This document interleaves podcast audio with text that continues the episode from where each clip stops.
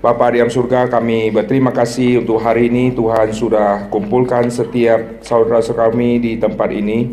Kami berdoa khusus hari ini di tempat ini, biar sekali lagi Tuhan yang sudah kumpulkan kami, Tuhan beri kami firman, Tuhan kuatkan kami sekali lagi, dan Tuhan beri kami pengertian untuk mengerti kebenaran firman Tuhan. Tuhan pakai hambamu dan Tuhan urapilah dia. Tuhan beri dia kuasa di dalam menyampaikan firman. Dalam nama Tuhan Yesus kami berdoa. Amin. Oke, saudara sekalian silakan duduk. Saya pernah ditanya orang begini. Kenapa adakan Natal sebelum tanggal 25 Desember? Ayo, saudara kalau ditanya gimana jawabnya? Lalu saya tanya orang itu, kenapa kalau sebelum tanggal 25 Desember tidak boleh? Apa-apa nih kalian lakukan Natal kok awal-awal bulan Desember? Lalu kenapa tidak boleh sebelum 25 Desember? Lalu dia jawab lucu saudara. Kalau dirayakan sebelum 25 Desember, Yesus lahir prematur. Bagus ya. Otaknya luar biasa ya saudara ya. Lalu gimana cara jawab orang yang kayak begini? Yesus lahir prematur saudara ya. Gimana cara jawab? Itu saya. Saya kasih tahu dia, mau rayakan tanggal berapa saja, Yesus sudah tua. Betul nggak? Karena sudah 2000 tahun yang lalu dia sudah lahir toh. Jadi bukan prematur, malah saya kasih tahu sudah tua mestinya. Lalu dia baru mukanya merah-merah saudara ya. Nah ada gereja yang rayakan Natal sebelum 25, ada yang 25, ada yang Januari baru rayakan. Mau rayakan hari apa saja silakan saudara ya. Tapi makna Natal yang sejati bukan di bulannya, bukan di tanggalnya, tetapi kesempatan untuk kita umumkan sekali lagi, kita khotbahkan sekali lagi tentang Yesus yang dilahirkan. Karena tidak ada di dalam sejarah umat manusia kelahiran seseorang dirayakan di seluruh muka bumi. Kasih tahu saya siapa, Kadang-kadang suami lupa rayakan kelahiran istri, saudara. Padahal istri tercinta yang ada di samping dia setiap tahun dia lupa rayakan. Lalu kita rayakan ulang tahun seseorang yang sudah lahir 2000 tahun yang lalu dan seluruh dunia sepakat ikut merayakan. Lucu nggak? Jikalau Yesus bukan Tuhan, tidak mungkin. Hari ini saya akan mengkhotbahkan tema tentang tangisan Tuhan Yesus di dalam sejarah. Di dalam Alkitab kita melihat ada tiga kali peristiwa Yesus menangis yang dicatat. Tapi hari ini saya akan membicarakan empat kali. Empat kali ini yang apa? Kita akan melihat keempat kalinya di dalam Alkitab dan nanti yang keempat itu menjadi puncak perayaan Natal kita ini. Nah, kali pertama Yesus menangis dicatat di dalam Alkitab yaitu pada saat kematian dari Lazarus. Saya ajak saudara untuk melihat peristiwa ini di dalam Yohanes pasal yang ke-11. Di dalam Yohanes pasal yang ke-11, saya akan membaca ayat ke-35, maka menangislah Yesus. Apa yang membuat Yesus menangis? Bukankah Yesus seorang yang sangat terkenal pada waktu itu? Dan Yesus sudah diterima di segala tempat, sekaligus ditolak di segala tempat. Termasuk tempat di mana dia dibesarkan, menolak dia. Nazaret menolak dia. Dan Yesus yang diterima baik, sekaligus ditolak sangat baik. Nah ini paradoks di dalam hidup manusia. Makin banyak orang menerima seseorang, makin banyak juga kubu yang membenci. Selalu begitu. Ini paradoks di dalam hidup. Nah, lalu kita kembali, Yesus yang adalah orang yang sudah sangat terkenal, masa menangis? Bukankah seseorang menangis langsung dikaitkan kau kurang gentleman, kau menangis, kau cengeng, kau menangis, kau banci. Laki-laki tidak boleh nangis, apalagi Tuhan gitu kan. Dulu saya dibesarkan di Sumatera Utara. Sumatera Utara itu terkenal budaya yang keras. Jangan kau nangis, Bangun kau, bangun. Berdiri. Tunjukkan jantanmu. Wah gitu kan, biasanya orang Sumatera begitu kan. Jangan kau cengeng, jangan kau cengeng. Oh pokoknya laki-laki mesti tegar. Maka kalau nangis pun jangan ketahuan nangis, saudara. Tahan, tahan, saudara, tahan, tahan, tahan. Sampai nggak ada orang mau keluar semua. Yesus yang sudah terkenal, Yesus yang sudah luar biasa itu kenapa menangis? Dan kalau menangis, kenapa pada saat perkabungan Lazarus, kenapa teteskan air mata di situ?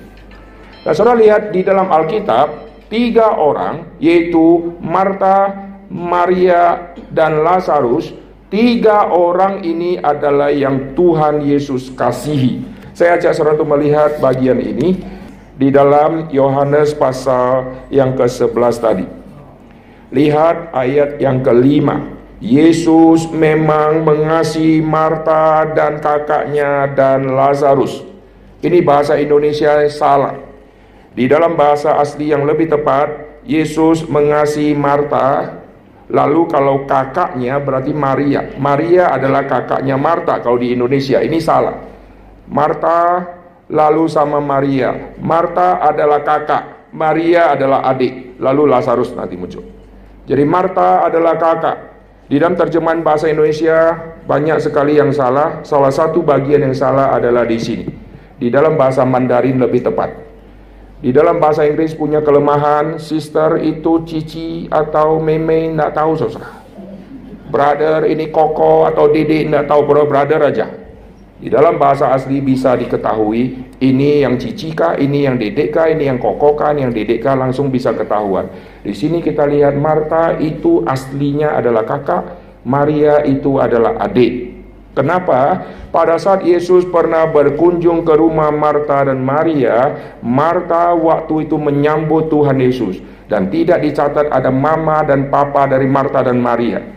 Di dalam kebudan Yahudi, jikalau papa mama sudah tidak ada atau di rumah tidak ada papa dan mama, maka anak yang besar yang harus menyambut tamu. Dan Marta yang selalu menyambut duluan. Di dalam Yohanes pasal ke-11 kita juga melihat peranan Marta itu sangat penting saudara. Jadi Marta adalah cece-nya dan Alkitab katakan hanya di dalam satu keluarga ini Yesus mengasihi tiga-tiganya. Di dalam Alkitab saudara baca Yesus mempunyai murid 12 rasul lalu ada satu murid yang dikasihi. Tidak disebut ada lima, ada enam, ada tiga. Meskipun ada tiga murid inti, tapi yang dikasih yang disebut itu satu. Tetapi heran, ini orang awam, ini orang biasa, ini diam satu keluarga. Tapi Yesus sangat mengasihi Marta, Maria, dan Lazarus. Nah ini misteri yang sangat menarik. Apa yang membuat Yesus sangat mengasihi mereka? Alkitab tidak pernah catat. Tapi Alkitab mencatat sikap Yesus waktu mengasihi mereka diutarakan dengan Yesus berkunjung ke rumah Marta dan Maria yang dicatat di dalam Injil Lukas. Lalu Yesus waktu melihat Lazarus mati, Yesus menangis. Ini dua peristiwa yang penting. Yesus berkunjung ke rumah Marta dan Maria karena Yesus mengasihi. Mengapa kalau mengasihi berkunjung? Lihat waktu dia berkunjung, dia sampaikan berita apa. Nah, ini masih kita bicara poin pertama tangisan Yesus waktu kematian Lazarus. Yesus waktu berkunjung ke rumah Marta dan Maria, Marta sibuk-sibuk konsumsi terus. Dan nanti saudara baca di Yohanes pasal 12, Marta status tetap konsumsi. Kelemahan di dalam gereja kalau ada satu orang yang pintar masak, 15 tahun ada panitia dibentuk, dia konsumsi 15 tahun. Marta terus konsumsi sampai Yohanes pasal 12. Waktu Marta melihat Yesus datang, yang dia pikir Yesus harus makan, lalu dia siapkan makanan. Lalu Maria tidak bantu si Marta. Maria bukan orang malas sehingga tidak bantu. Maria tahu Yesus di dalam perjalanan pelayanan begitu jauh, begitu capek. Kenapa singgah di rumah perempuan? Kemudian Yahudi melarang laki-laki Yahudi berkunjung ke rumah perempuan. Sekarang kenapa dia berkunjung? Berarti ada pesan penting. Karena Yesus mengasihi keluarga ini. Yesus khusus berkunjung, tapi Marta tangkapnya harus kasih makan. Apa yang Maria dengar? Maria mendengarkan satu berita yang sangat penting sekali, yaitu tentang kematian Tuhan Yesus. Tahu dari mana Alkitab tidak catat pembicaraan Yesus sama Maria isinya apa? Tapi Alkitab nanti membocorkan Maria mengetahui Yesus akan mati. Di dalam Yohanes pasal yang ke-12, satu hari sebelum tanggal 10 Nisan. Yesus pada saat tanggal 10 Nisan harus masuk ke Yerusalem. Dan satu hari sebelum tanggal 10 yaitu tanggal 9. Di situlah Yohanes pasal 12 mencatat. Yesus ketemu lagi dengan Marta Maria. Dan waktu itu Maria memecahkan minyak yang wangi lalu saat itu adalah hari terakhir kemungkinan dia bisa pecahkan karena 10 Nisan domba Paskah akan dikurung sampai tanggal 14 akan dibunuh dan tanggal 10 Yesus adalah domba Paskah akan masuk ke Yerusalem dan Yerusalem itulah dia akan diselidiki, dicek, dianalisa, di cecar-cecar pertanyaan untuk jatuhkan dia supaya dia bercacat sehingga tidak bisa dikorbankan di tanggal 14 Nisan di hari Paskah. Dan saat Yesus ketemu sama Maria, Marta belum nangkap karena dulu Yesus datang dia tidak dengar kalimat Yesus. Dia sibuk-sibuk siapkan makanan. Tapi Maria mendengar, Maria mengerti. Maka saat itulah saat tanggal 9 Nisan karena besok sudah tanggal 10 tidak mungkin lagi dan tanggal 9 itulah dia pecahkan minyak dan itu dicatat di Yohanes pasal 12. Jadi bukti Yesus mengasihi keluarga ini, Yesus berbicara langsung dan datang langsung berkunjung ke rumah Marta dan Maria untuk membicarakan tentang kematian Tuhan Yesus dan Maria tangkap kalimat itu. Maka Yesus berkata, apa yang dilakukan Maria tidak mungkin dia menyesal, dia sudah memilih bagian yang terbaik karena dia tangkap seluruh inti dari perjanjian lama mengenai Kristus yang kelak akan dimatikan itu. Lalu mengenai Lazarus bagaimana? Kunjungan pertama Yesus ke rumah Marta dan Maria tidak dicatat ada Lazarus. Waktu Yesus mendengar bahwa Lazarus sudah mati, Yesus menunda untuk datang. Bukankah kalau mengasihi harus lebih cepat datang? Inilah konsep Marta. Kalau engkau ada di sini, lu mesti cepat datang. Lagi gawat darurat lu gak datang. Kalau engkau ada di sini, saudaraku pasti tidak akan mati. Kalimat itu bahaya sekali. Marta mengeluarkan kalimat di dalam sejarah yang sangat bahaya.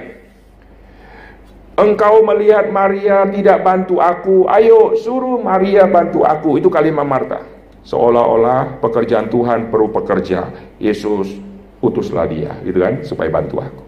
Kalau Yesus mendengarkan kalimat Marta, waktu Yesus berkunjung ke rumah Marta, maka Yesus akan duduk sendirian, tidak ada yang temani Tuhan Yesus. Maria dan Marta sibuk-sibuk di dapur susah. Lalu Yesus duduk menunggu gitu ya, sudah datang jauh-jauh disuruh duduk sendirian gitu ya. Itu kalimat Marta yang tidak mengerti misi Tuhan. Lalu waktu Tuhan Yesus datang, waktu kematian Lazarus, keluar kalimat, kalau kau ada di sini, saudaraku tidak mati. Berarti lu sekarang datang percuma, dia sudah mati. Di sini kita melihat satu kalimat kadang-kadang di baliknya mengandung penghinaan yang sangat besar. Kau kenapa datang sekarang? Kalau kau datang lebih awal, saudaraku tidak akan mati. Kalau begitu lu datang percuma sudah mati, tidak ada kuasa kebangkitan. Dan Yesus saat itu sudah berkata, akulah kebangkitan dan hidup. Dan saat waktu Yesus berkunjung ke situ, Yesus melihat lemahnya iman orang yang dia kasihi. Marta ini orangnya lemah iman. Lalu orang-orang yang hadir di situ yang ikut perkabungan semua tidak mengerti misi Tuhan Yesus. Sudah di Yohanes pasal 11 masih belum mengerti. Nanti Yohanes pasal 12 Yesus akan masuk ke Yerusalem. Lalu itu menjelang hari kematian Tuhan Yesus.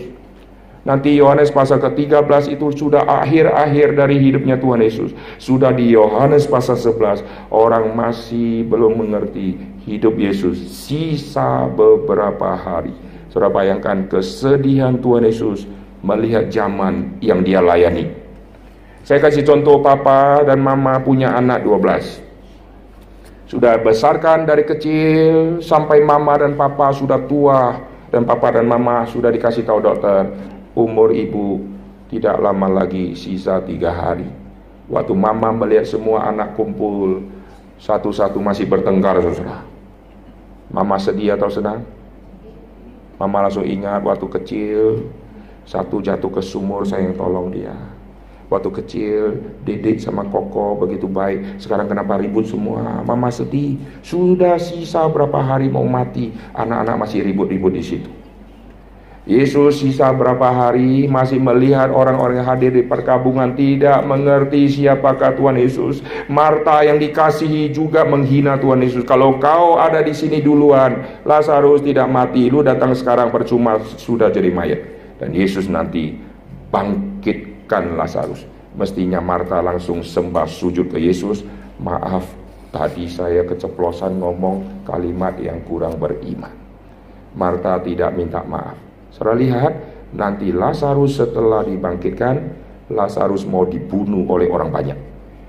Lazarus yang sudah mati dibangkitkan, sekarang mau dibunuh. Dan Yesus yang membangkitkan, Yesus juga mau dibunuh. Saudara bayangkan, semua ini Yesus sudah mengetahui. Yesus akan bangkitkan Lazarus, mestinya semua orang akan menjadi percaya. Lalu Lazarus akan diundang ke sinagog-sinagog untuk kesaksian. Sekarang banyak orang begitu sembuh langsung diundang ke mana-mana susah. Apalagi kalau Lazarus mati, sudah empat hari sudah bawa busuk bangkit. Wih gereja-gereja langsung kirim surat Lazarus datang. Kebahagiaan kami ada enam kali, KU ada enam. Kalau bisa kau hadir terus kesaksian. Wah, empat hari sudah mati, lalu dibangkitkan. Yang membangkitkan langsung Yesus. Coba bayangkan betapa lakunya si Lazarus. Tapi setelah Lazarus bangkit, Orang mau membunuh dia dan Yesus pun mau dibunuh. Yesus mengetahui semua itu. Dan saat di hari perkabungan itulah muncul kalimat menangislah Yesus. Yesus waktu datang menjadi seorang manusia, hati Yesus hati yang paling lembut dibandingkan semua manusia. Saudara bayangkan Yesus berjalan dengan 12 rasul melihat orang-orang sakit, melihat orang-orang membutuhkan Injil. Tergeraklah hati Yesus oleh belas kasihan. Dan kalimat itu hanya ditujukan kepada Yesus. Semua murid ikut, hati tidak lembut, hati tidak berbelas kasihan. Hanya satu-satunya orang yang dikaitkan tergeraklah hatinya oleh belas kasihan. Itu hanya untuk Yesus. Saudara bayangkan Yesus di dalam dunia hatinya begitu lembut. Melihat banyak orang yang melawan dia tergerak hati oleh belas kasihan. Datang ke perkabungan dia tahu nanti setelah bangkitkan dia sendiri akan dibunuh. Dia tetap datang di situ dan dia ikut bersimpati di situ dan empatinya dia nyatakan dengan dia menangis. Penghulu hidup kok menangis, Bukankah kalau Yesus menangis berarti kurang iman? Buktinya akan dibangkitkan. Mengapa menangis? Yesus akan bangkitkan dia sama Yesus sebelumnya itu menangis dulu. Ini tidak ada hubungan, tidak ada iman. Saya percaya isi hati Yesus paling sulit untuk kita mengerti. Waktu dia menangis, apakah hanya menangis untuk satu Lazarus? Jiwa Yesus bukan untuk satu orang. Jiwa Yesus untuk global. Maka saya tidak percaya Kematian Lazarus menyebabkan Yesus bersedih luar biasa. Tidak ada itu. Kematian Lazarus ini hanya bagian kecil dari kesedihan Yesus melihat kesedihan dari seluruh zaman dia yang menolak dia. Itu kesedihan yang sangat besar. Apalah artinya satu orang mati dan Yesus tahu sebentar juga bangkit. Kalau bangkit ngapain gua nangis? Tapi tangisan Yesus untuk menyatakan betapa sedihnya hati dia. Saudara bayangkan Lazarus yang mati dan Yesus melihat sekelompok orang yang ada di situ. Dan waktu Yesus meneteskan air mata, bukan hanya untuk kematian Lazarus. Karena kematian Lazarus ini hanya sebentar lagi akan bangkit. Tapi kesedihan Tuhan Yesus itu di Yohanes pasal 11 nanti akan masuk Yohanes pasal 12 Yesus akan masuk ke Yerusalem saya percaya emosi Tuhan Yesus sudah terbawa dari semula Nah itu poin pertama yaitu kematian Lazarus. Poin kedua, Yesus menangisi Yerusalem. Nah, apa hubungannya kematian Lazarus sama Yerusalem? Ini ada kaitan. Tadi saya katakan kesedihan Tuhan Yesus sudah terbawa di sebelumnya sebelum kematian Lazarus. Sekarang saya akan masuk ke poin kedua yaitu Yesus menangisi Yerusalem. Kesedihan Yesus sudah mulai waktu melihat Yerusalem. Mari kita lihat di dalam Alkitab kita, di dalam Lukas. Perhatikan di dalam Lukas pasal yang ke-13. Oke, Lukas pasal ke-13 ini belum sisa berapa hari saudara. Kalau tadi yang Lazarus sisa berapa hari Yesus akan mati. Yang Lukas pasal 13 belum, masih agak jauh sedikit. Dan saat itu Yesus menangis nanti. Saya ajak saudara melihat kaitan Yerusalem sampai nanti akhirnya Yesus meneteskan air mata untuk Yerusalem.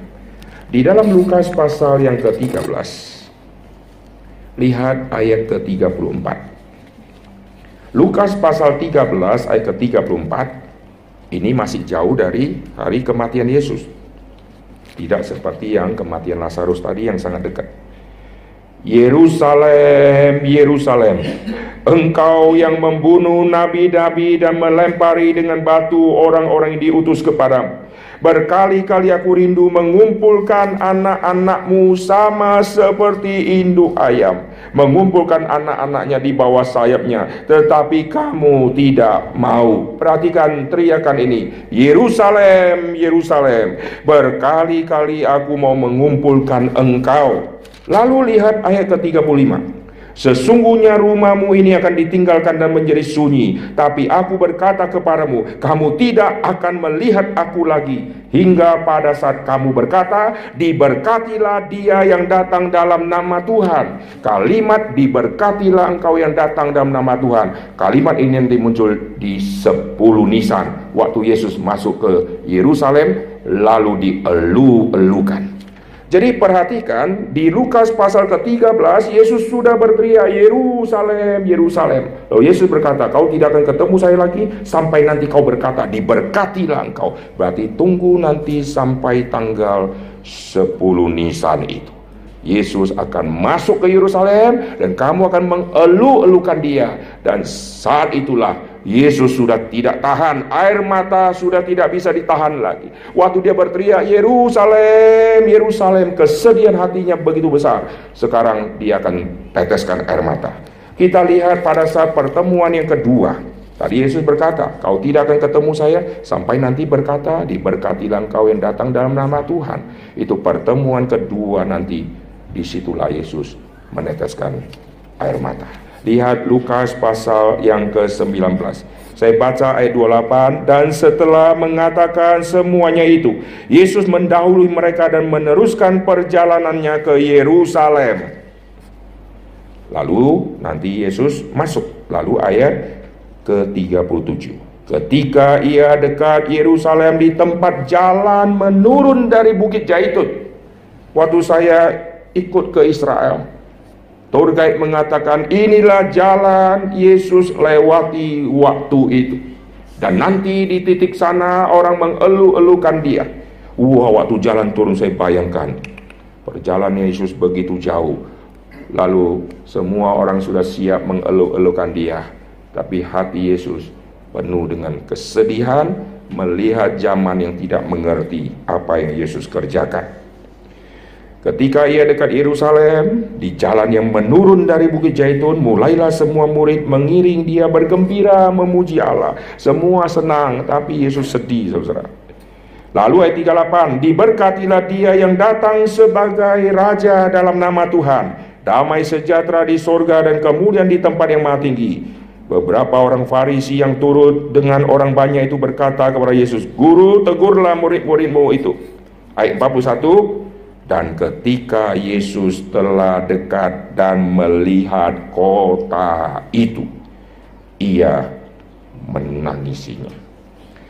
Wahai betapa baiknya jika pada hari ini juga engkau mengerti apa yang perlu untuk damai sejahteramu. Tetapi sekarang hal itu tersembunyi bagi matamu. Yerusalem berhubungan dengan kota damai. Salem, shalom, shalom, salem, Yerusalem. Yerusalem tidak ada damai sejahtera dan kota Yerusalem Yesus tangisi bukan karena kotanya sudah jelek, tapi yang Yesus tangisi adalah manusia di dalamnya. Tadi di dalam Lukas pasal ke-13 kita sudah melihat Yesus berteriak Yerusalem, Yerusalem. Inilah pertama kali nama kota diulang dua kali. Di dalam Alkitab Tuhan menyebut nama orang panggil satu kali. Kadang-kadang Tuhan panggil nama orang itu double dua kali. Karena ada peristiwa besar yang Tuhan mau singkapkan kepada orang itu. Abraham, Abraham, dua kali Tuhan panggil dia. Yakub, Yakub, nama didobelkan. Kalau saudara panggil anak Uco, Uco, sama Uco, beda saudara. Kalau saudara panggil Uco, Uco, Uco, Uco, Uco, anak bilang apa ini kerja saya ngecek ngecek. Tapi waktu mama berkata Uco, Uco, wah ada apa nih, ada apa nih? Namaku disebut dua kali. Abraham, Abraham, Yakub, Yakub, Musa, Musa. Tuhan memanggil Samuel, Samuel. Marta, Marta. Simon, Simon. Saulus, Saulus. Semua tidak ada dikaitkan dengan nama kota. Hanya Yerusalem yang dikaitkan dengan sebutan dua kali untuk nama kota. Yerusalem, Yerusalem. Berkali-kali aku mau mengumpulkan kamu. Tuhan tidak kumpulkan kotanya. Tuhan kumpulkan umat di dalamnya. Aku kumpulkan engkau seperti induk ayam. Kalau kota, bagaimana bisa kumpulkan kota? Tangisan Yesus, kesedihan Tuhan Yesus.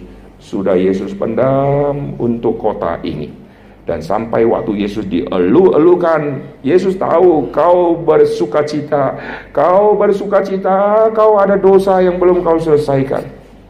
Maka Yesus menangisi kota itu.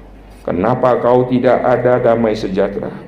Kenapa kau Yerusalem kata Salem Shalom damai sejahtera tapi kau tidak ada Alangkah baiknya kalau kau mengerti damai sejahtera Karena damai sejahtera yang sesungguhnya ada di dalam Kristus dan pengumuman damai sejahtera yang ada di dalam Kristus diumumkan waktu Yesus dilahirkan. Malaikat menyanyi, saudara. Saya waktu lihat Alkitab saya heran-heran, saudara. Kor malaikat tidak nyanyi di bait Allah. Coba bayangkan kalau Tuhan turunkan undangan lalu jatuh dari langit. Hadirilah pasukan malaikat kor di bait Allah jalan apa gitu ya Yerusalem kira-kira membludak nggak yang hadir coba kasih tahu saya Wih, seluruh jalanan sepi, saya semua sudah berkumpul. Dua hari sebelumnya semua sudah siap melihat malaikat Tuhan mau kur. Kalau malaikat Tuhan datang ke sini, satu saja malaikat, kira-kira rame nggak saudara? Ini bala tentara surga, oh malaikat-malaikat kur tapi kur tidak dinyanyikan di bait Allah. Bukankah Yerusalem ada bait Allah? Saat kur kenapa tidak di bait Allah? Kur itu dinyanyikan di hadapan orang miskin, saudara, yaitu para gembala.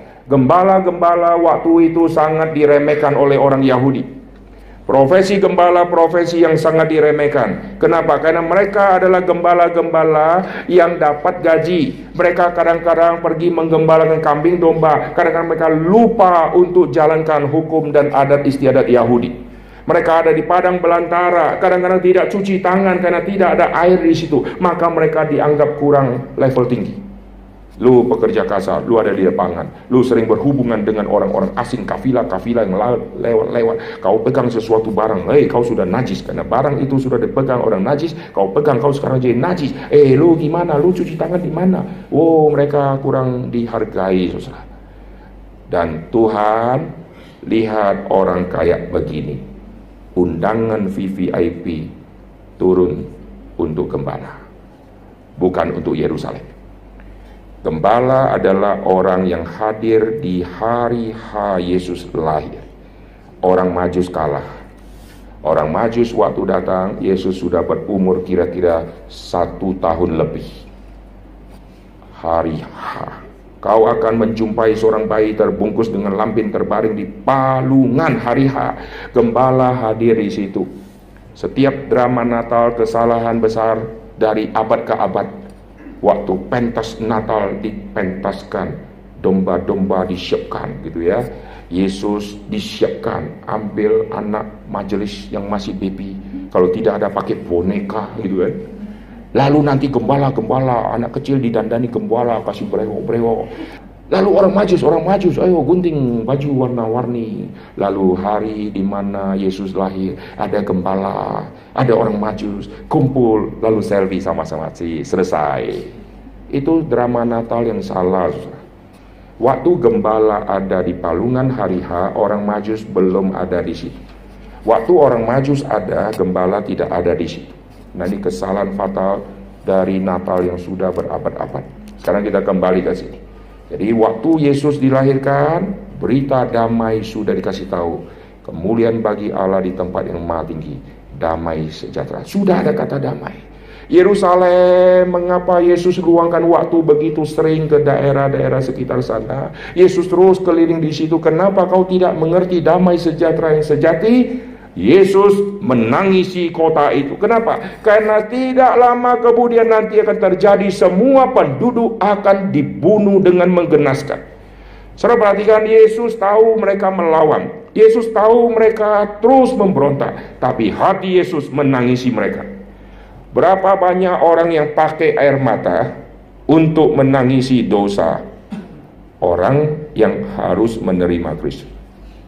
Kebanyakan kita keluarkan air mata untuk menangisi anakku kenapa tidak balik-balik.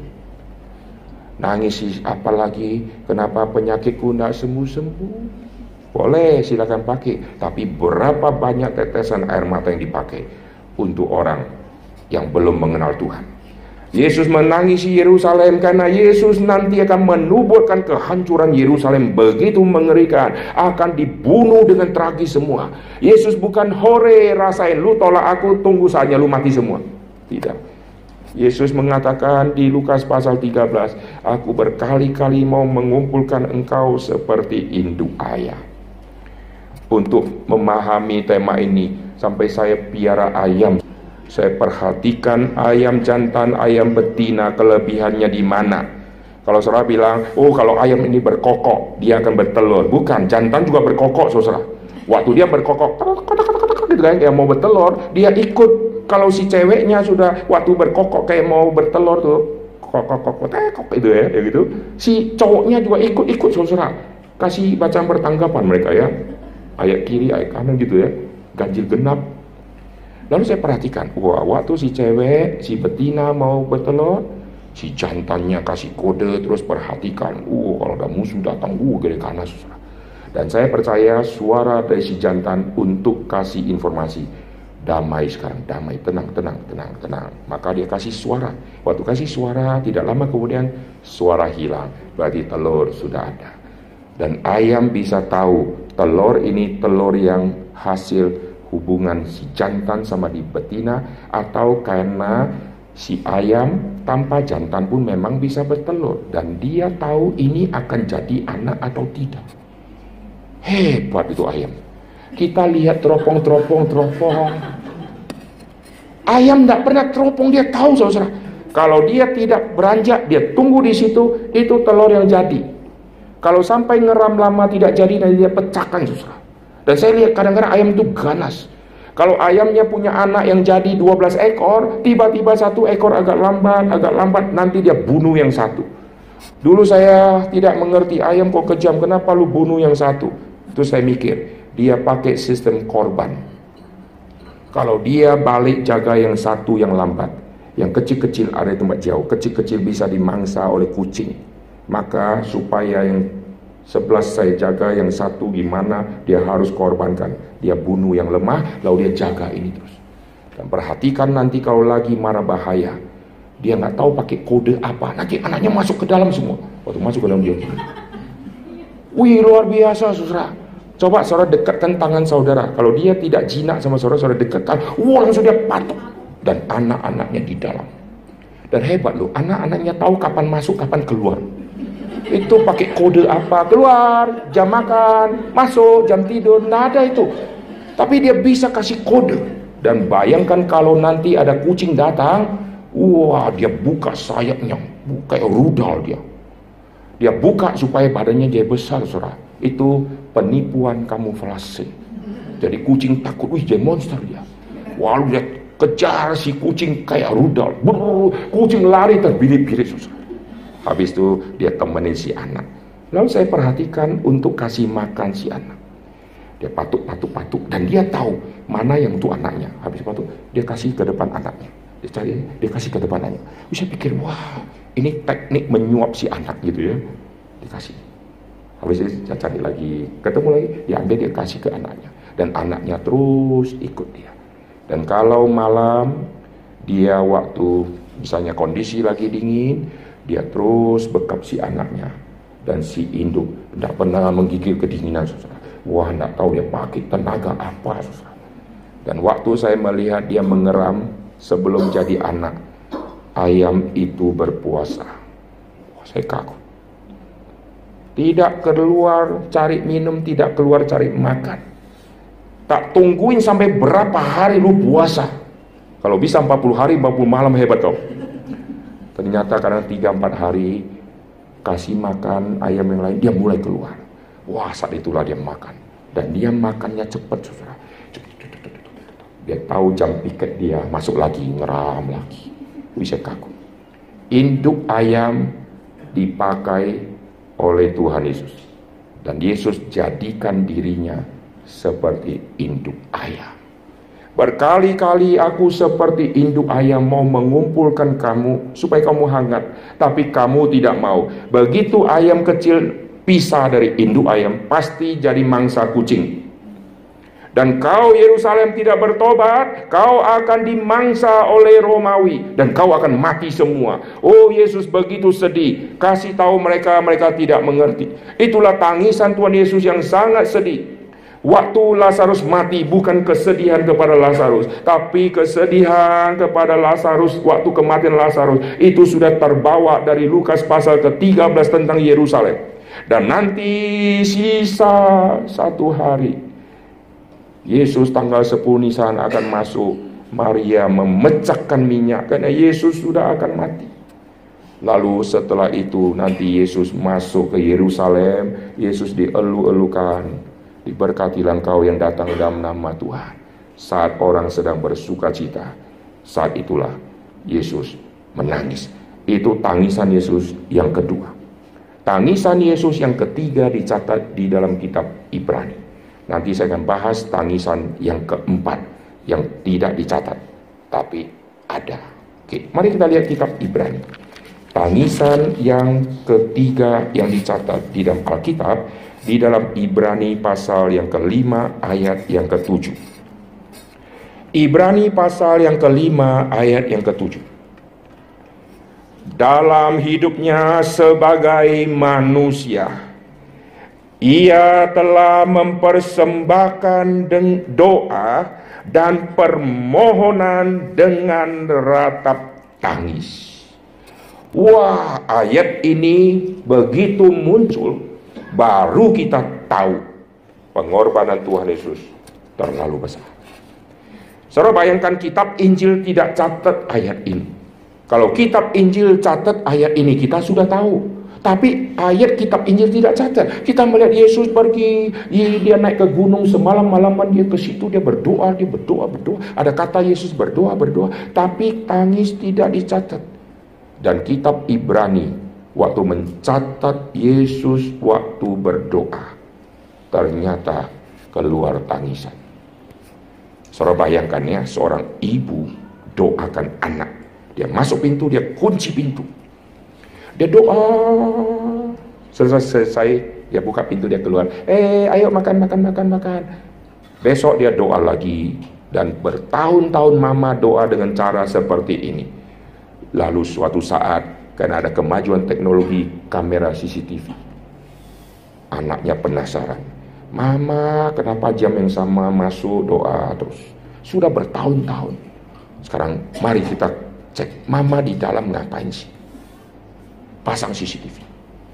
Waktu masuk baru tahu mamanya waktu berdoa misalnya sampai berlutut dan keluar air mata yang begitu banyak dengan tisu yang begitu banyak. Saat itulah si anak mulai hancur hati. Ternyata mama doakan kami anak-anak yang bandel. Saya lihat Ibrani pasal yang kelima tadi. dalam hidupnya. Berarti sejak Yesus ada di dunia ini, waktu dia mempersembahkan doa dan permohonan doa, ada ratap tangis. Sekarang berapa orang yang berdoa untuk orang lain, lalu tangisan keluar? Hmm? Kasih tahu saya. Oh, tangisan kita jadi kering, susah. Kalau untuk dosa orang, tapi untuk kelemahan diri, penyakit yang nggak sembuh, anak sendiri, uh air matanya banyak, susah. Nggak habis-habis. Minum satu gelas air matanya tiga gelas.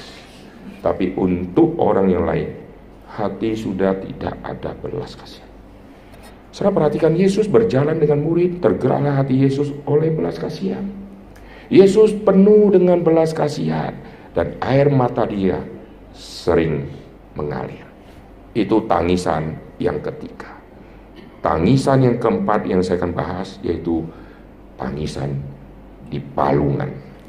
Alkitab tidak catat Yesus menangis di palungan. Tapi Yesus lahir menjadi manusia sama seperti kita, bisa berdarah, bisa menangis, waktu dewasa bisa menangis, waktu baby pasti menangis. Dan tangisan Yesus di palungan itu tangisan yang sangat-sangat indah karena itulah tangisan pengorbanan yang sejati. Saudara bayangkan Yesus dari kekekalan lalu masuk ke dalam dunia sementara dan harus melewati proses waktu yang panjang, harus lewati bayi. Sekarang kalau saudara sudah jadi orang penting di Indonesia, saudara sudah jadi bupati kah, gubernur kah, wali kota kah, bayangkan ya, kalau saudara sudah jadi orang penting yang jujur, sudah diterima baik, lalu ada tawaran, Bapak, Bapak mau ndak besok jadi bayi lagi? Kalau orang sudah gagal, ditanya, Ibu, ibu mau jadi bayi? Sumpah mati dari dulu gue harapin tapi nggak bisa jadi-jadi. Kalau gagal dia, coba kalau sudah berhasil, mau jadi bayi lagi? Begitu oleh siap dicubit orang, saudara. Wih, ih, merah. Nanti datang ibu-ibu kedua. Wih, anaknya merah ya, pipinya bagus, pada dicubit sama orang. Dulu anak saya waktu pertama kali ada anak, pulang gereja, pasti saya suruh istri lap muka si anak. Itu semua aroma terapi, aroma hipnotis ada, nggak tahu deh ibu-ibu siapa saja. Kita bawa ke gereja, sudah mandi, sudah wangi-wangi ketemu, cup, cup, cup. Coba bayangkan kalau si anak bisa protes. Apa kalau cowok yang cup ada kumis yang baru dicukur tajam-tajam. Nggak enak saudara Ketemu ibu-ibu yang sudah tidak sikat gigi dua minggu. Cuk lagi. Ketemu yang lipstick sepuluh ribu tiga. Cuk nempel merahnya itu ya. Wih nempel di sini, nempel di sini. Coba bayangkan. Jadi baby tidak enak. Nangis, dikirain lapar, dikasih minum pada sakit perut. Nangis, dibilang nakal. Padahal dia lagi mungkin mau ke WC, tapi nggak bisa jalan sendiri. Wah sedih jadi seorang bayi. Sudah jadi bayi lewat masa bayi, nanti mulai belajar merangkak, kejeduk kepala, keluar bola pimpong lagi. Lalu begitu sudah bisa berjalan, nanti masuk ke sekolah. Anak sekarang sekolah stres ya. Zaman Yesus belajar bahasa Ibrani setengah mati Bahasa Ibrani bahasa yang sangat rumit dan Tuhan pakai bahasa Ibrani untuk menulis kitab perjanjian lama. Karena bahasa itulah yang bisa menulis isi hati Tuhan yang lebih tepat. Kalau Alkitab diwahyukan dalam bahasa Indonesia, cilaka susah. Maka Tuhan memakai bahasa Ibrani yang begitu rumit untuk menuliskan seluruh isi Tuhan yang paling dalam. Yesus rela turun jadi bayi. Dan karena jadi bayi, mesti menangis. Tangisan Tuhan Yesus di palungan itu adalah tangisan pengorbanan dari dunia kekekalan menembus ke dunia sementara dan harus lewati satu titik itu yaitu jadi bayi. Untuk bisa berumur 30 tahun harus dari bayi dulu. Pengorbanan Tuhan Yesus dari kekekalan, dari tanda tidak terbatas, turun ke dalam dunia menjadi satu titik. Inkarnasi Tuhan Yesus menjadi satu titik. Bukan hanya menjadi seorang bayi, Bayi terlalu besar. Sebelum lahir kita sebut, oh, oh bayi ini sudah lahir. Sebelum jadi bayi utuh, dia ada di perut. Dan mundur, mundur, mundur, mundur, dia ada sebagai janin. Yang tulang-tulang belum terbentuk semua. Lalu mundur, mundur sampai kehamilan pertama. Itu mirip seperti titik. Itulah inkarnasi Yesus. Yesus yang tidak terbatas, sorga yang begitu tidak terbatas, sekarang dibatasi di dalam rahim seorang wanita yang begitu kecil. Saudara kalau rumah sudah besar, dipindahkan ke apartemen itu tipe sangkar burung. Tiga kali empat, saudara. Saudara baru tahu betapa susahnya hidup di apartemen tipe sangkar burung itu. Maka kalau saya lihat orang Kristen baru berkorban sedikit sudah kayak hebat, dia masih dikurung ke dalam rahim 9 bulan baru tahu rasa. Baru tahu betapa gelapnya di dalam rahim seorang wanita. Dia Allah tetapi harus tunggu waktu. Tidak boleh langsung keluar. Keluar lakukan mujizat masuk lagi. Tidak bisa. Oh, harus tunggu sampai lewat proses waktu makin besar makin besar. Oh makin berbentuk. Oh tangan ada, oh kepala. Oh waktu lahir. Sudah lahir tidak bisa langsung lari-lari. Mesti lewati proses waktu. Mesti lewati umur 12 tahun satu persatu. Mesti tunggu sampai umur 30 tahun. Waduh itu sengsara besar. Saudara bayangkan umur 12 saja sudah mentakjubkan banyak orang. Harus menunggu sampai umur 30 baru boleh pergi melayani. Oh bukankah membuang waktu begitu banyak? Tunggu lahir sudah 9 bulan. Tunggu sampai 30 tahun berarti 30 tahun plus 9 bulan. Aduh kelamaan ini. Lalu total waktu melayani cuma 3 setengah tahun. Itulah cinta kasih Tuhan. Dan tiga setengah tahun Bayangkan betapa susahnya Yesus. Kita kalau hidup dikasih waktu cuma tiga setengah tahun, tapi harus genapkan seluruh yang sudah ditulis tentang kita. Dan batas waktu cuma tiga setengah tahun. Baru saya tahu setengah mati kalau jadi Tuhan Yesus. Yesus hidupnya dinubuatkan di dalam PR. Harus gini-gini, nanti terjadi gini-gini. Dan tiga setengah tahun harus selesai. Susah gak? Maka tidak pernah terjadi maka santailah Yesus dengan 12 rasul pergi ke pantai lalu mereka mancing mereka selfie-selfie, tidak ada. Terlalu sibuknya Yesus.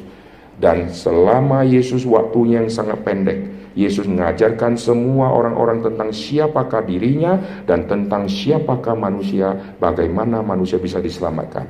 Sampai menjelang Yesus sudah mau mati, orang masih belum mengerti dia. Maka Yesus menangis. Sekarang saya kembali ke tangisan yang keempat tadi, tangisan di Palungan. Tangisan di Palungan, tangisan yang sangat indah. Karena itu tangisan yang menjadi pengantara antara dunia kekal sama dunia sementara. Jadi begitu Yesus keluar dari rahim, keluarlah tangisan. Semua bayi nangis harus nangis. Kalau tidak nangis dipukul pantatnya supaya ah, mulai ah. tangisan pertama Yesus datang ke dalam dunia waktu ada di perut, lalu sekarang lahir.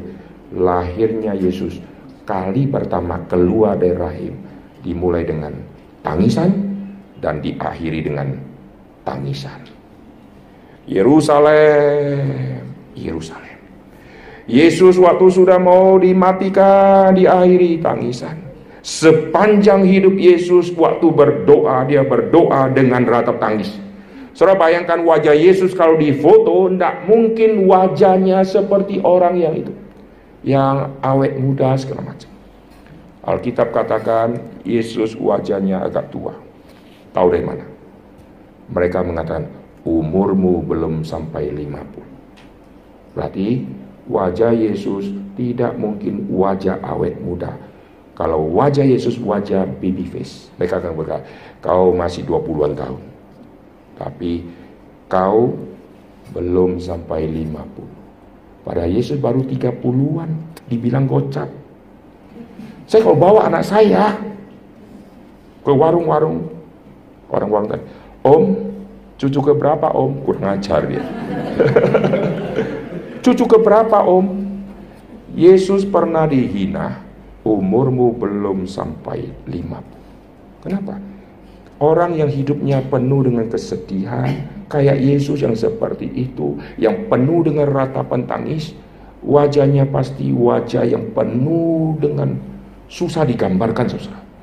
Maka kalau saudara lihat lukisan-lukisan dari orang-orang pintar, dia waktu lukis, dia bisa gambarkan mata ini mencerminkan apa.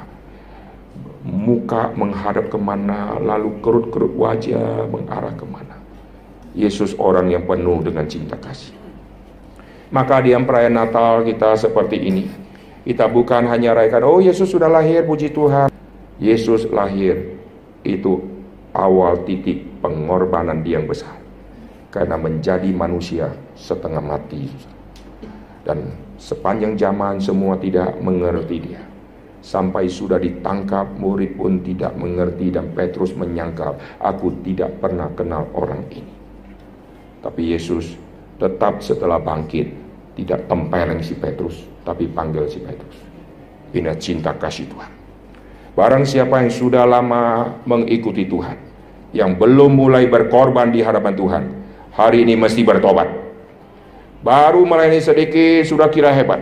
Baru keringat sedikit sudah ngomel. Keringat kita belum keluar darah. Susah. Yesus punya keringat sudah darah. Baru lecet sedikit, aduh gara-gara pelayanan saya baret, jatuh dari motor, baru baret. Yesus kena cambuk semua susah. Aduh make up saya hancur, baru make up. Yesus wajah tidak seperti manusia lagi. Masihkah kita berkata kita sudah berjuang, berkorban? Kita belum mulai apa-apa.